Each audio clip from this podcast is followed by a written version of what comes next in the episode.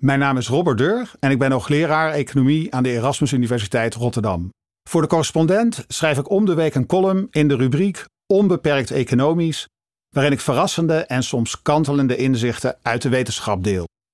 De markt en marktwerking zijn voor veel politieke partijen de favoriete boosdoeners voor allerlei maatschappelijke misstanden. En niet helemaal onterecht.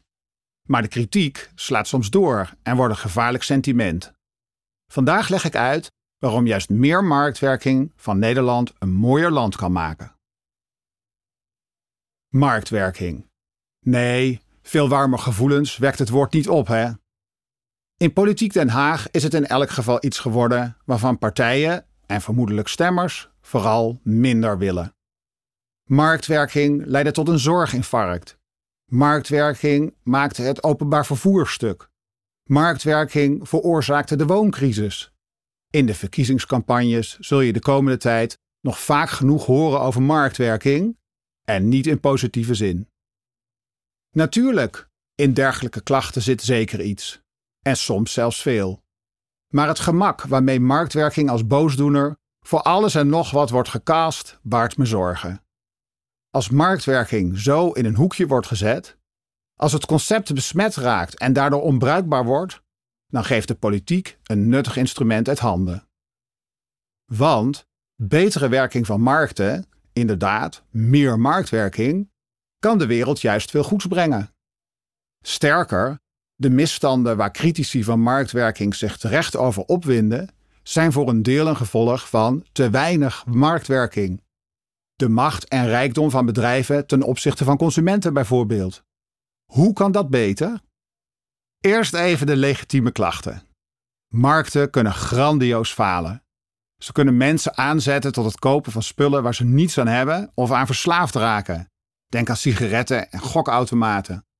Ze zetten geen rem op productie waar anderen last van hebben of die het klimaat verandert. Denk aan de overdaad aan plastic en CO2-uitstoot. Ze kunnen leiden tot enorme ongelijkheid in inkomen en vermogen.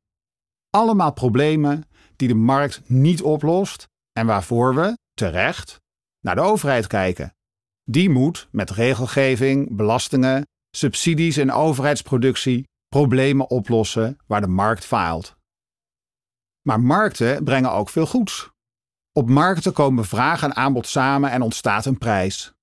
Is er veel vraag naar een product, maar weinig aanbod, dan is de prijs hoog. De hoge prijs maakt het profijtelijk voor bedrijven om meer te gaan produceren. Bij goed werkende markten zullen er ook nieuwe bedrijven op de markt komen die het product gaan maken. Het gevolg? Het extra aanbod drukt de prijs. Dit gaat zo door totdat het bedrijf een normale winst overhoudt als vergoeding voor ondernemingsrisico. Op deze manier zorgen markten voor de juiste hoeveelheid aanbod van talloze producten tegen een redelijke prijs. Belangrijk om te benadrukken, daar kan geen overheid tegenop. Het klassieke voorbeeld van het succes van marktwerking is het potlood van de econoom Milton Friedman. Als je erbij stilstaat, is het een klein wonder dat een potlood voor een paar dubbeltjes in de winkel te koop is. Het is gemaakt door samenwerking tussen vele mensen uit veel verschillende landen die elkaar niet eens kennen. De vrije markt en het prijsmechanisme heeft die samenwerking tot stand gebracht, niet een of andere planner. En er is ook geen chronisch tekort of overschot aan potloden, ondanks dat niemand dat zo plant. Alleen, als de markt zijn magische werk wil doen, dan is wel concurrentie nodig. Concurrentie tussen bedrijven zorgt ervoor dat wij, consumenten en werknemers, wat te kiezen hebben. Bedrijven die te hoge prijzen rekenen of slechte producten maken, laten we links liggen. In plaats daarvan kopen we bij concurrenten met een beter aanbod. Bedrijven die lage lonen betalen of slechte arbeidsomstandigheden bieden, hebben het moeilijk om personeel aan te trekken.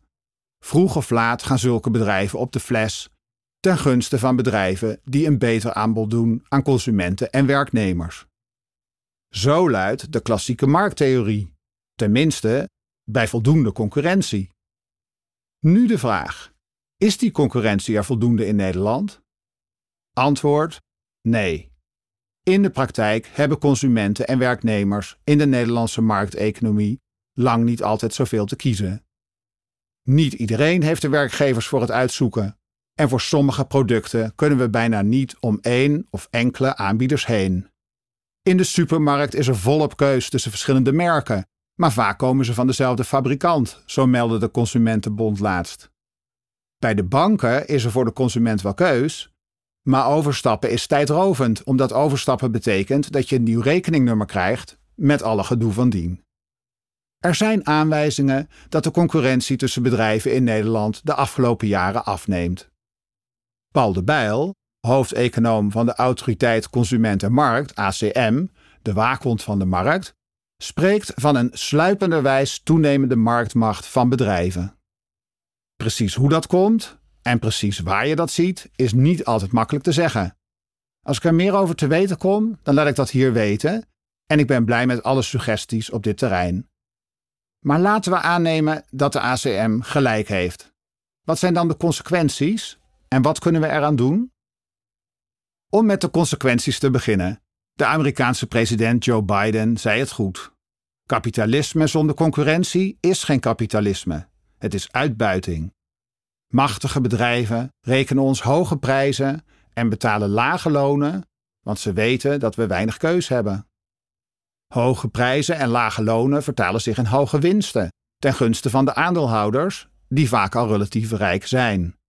Grijflatie is de term die je misschien hebt gehoord. Gebrek aan concurrentie leidt op deze manier tot grotere inkomensongelijkheid. En betere producten krijg je zo ook niet. Geen wonder dat overheden een scherp oog houden op de concurrentie op markten. Of, beter gezegd, zouden moeten houden, want met het toezicht op de concurrentie gaat het niet goed in Nederland, volgens de Nederlandse waakhond op de markt. In een recent blog schrijft de Bijl van de waakhond ACM dat het toezicht op de concurrentie in Nederland weliswaar groot is geworden, maar daarmee nog niet volwassen. Dat is een nogal keurige manier om te zeggen dat we met een behoorlijk groot probleem zitten. Volgens de Bijl heeft de ACM te weinig mogelijkheden om de marktmacht van bedrijven te breken, waardoor de markt haar heilzame werk niet altijd kan doen. Hoe kan dit beter? We kunnen daarvoor inspiratie opdoen in onder meer Duitsland, het Verenigd Koninkrijk en de VS, waar de afgelopen jaren al gewerkt is aan het versterken van het toezicht op concurrentie in reactie op toenemende marktmacht van bedrijven. Het gaat dan bijvoorbeeld over het afdwingen van meer transparantie van prijzen en productvoorwaarden, zodat consumenten het aanbod van verschillende bedrijven makkelijker kunnen vergelijken. Of over het vereenvoudigen van overstappen van het ene naar het andere bedrijf, bijvoorbeeld bij banken, verzekeraars, energiebedrijven, of als ultieme remedie tot het opbreken van machtige bedrijven. Ook de Tilburgse hoogleraar Erik van Damme, een vooraanstaand expert in Nederland op het gebied van marktwerking, stelt dat misbruik van marktmacht door bedrijven in Nederland op dit moment nauwelijks te bestrijden is. Hoewel de wetgeving duidelijk is, misbruik van marktmacht door bedrijven is verboden, is het bewijzen van misbruik in de praktijk erg moeilijk. Hoe we dat weten? In de laatste 25 jaar legde de ACM verscheidene boetes op voor misbruik van marktmacht. Maar geen daarvan hield stand voor de rechter, op slechts één uitzondering na. Op zo'n manier is een waakhond nogal tandeloos. Van Damme pleit daarom voor een wetswijziging, een lichtere bewijslast waarin de toezichthouder misbruik van marktmacht door bedrijven aannemelijk moet maken in plaats van buiten elke redelijke twijfel, zoals nu het geval is. In het buitenland is zelfs gepleit voor een omkering van de bewijslast in sommige zaken, bijvoorbeeld waar het gaat over fusies en overnames. Bedrijven moeten dan aannemelijk maken dat na een fusie de concurrentie op de markt intact blijft, anders gaat de fusie niet door. Het verbeteren van de werking van markten is waarschijnlijk geen populair verkiezingsitem in een tijd waarin marktwerking door veel partijen, en met name de progressieve partijen, wordt gezien als iets dat een probleem is in plaats van een oplossing. En zelfs als het dat wel zou zijn. Verlaagde bewijslast voor misbruik van marktmacht is geen geweldige tekst voor op een flyer. Maar een goed idee is het wel. Als we marktwerking demoniseren, dan laten we een belangrijk instrument voor meer gelijkheid links liggen. Betere werking van markten bevoordeelt consumenten en werknemers ten koste van machtige bedrijven. Inderdaad, het zou juist progressieve partijen moeten aanspreken. Het is de missie van de correspondent om voorbij de waan van de dag te gaan. Onze correspondenten voorzien het nieuws van context en schrijven over de grote thema's van deze tijd. De correspondent geeft me de vrijheid om mijn nieuwsgierigheid te volgen en de tijd om verhalen te schrijven. En zo probeer ik onzichtbare structuren zichtbaar te maken en een andere kijk te bieden op debatten die het nieuws domineren. Dan gaat het minder over het spelletje en veel meer over wat er op het spel staat. Vanaf dag 1 zijn onze artikelen, boeken en podcasts gefinancierd door onze leden. Volg ons op onze journalistieke zoektocht. Overweeg eens lid te worden van de correspondent. En maak daarmee samen met ruim 70.000 anderen onze onafhankelijke journalistiek mogelijk. Dus word lid van de correspondent. Ja. Word lid. Word lid.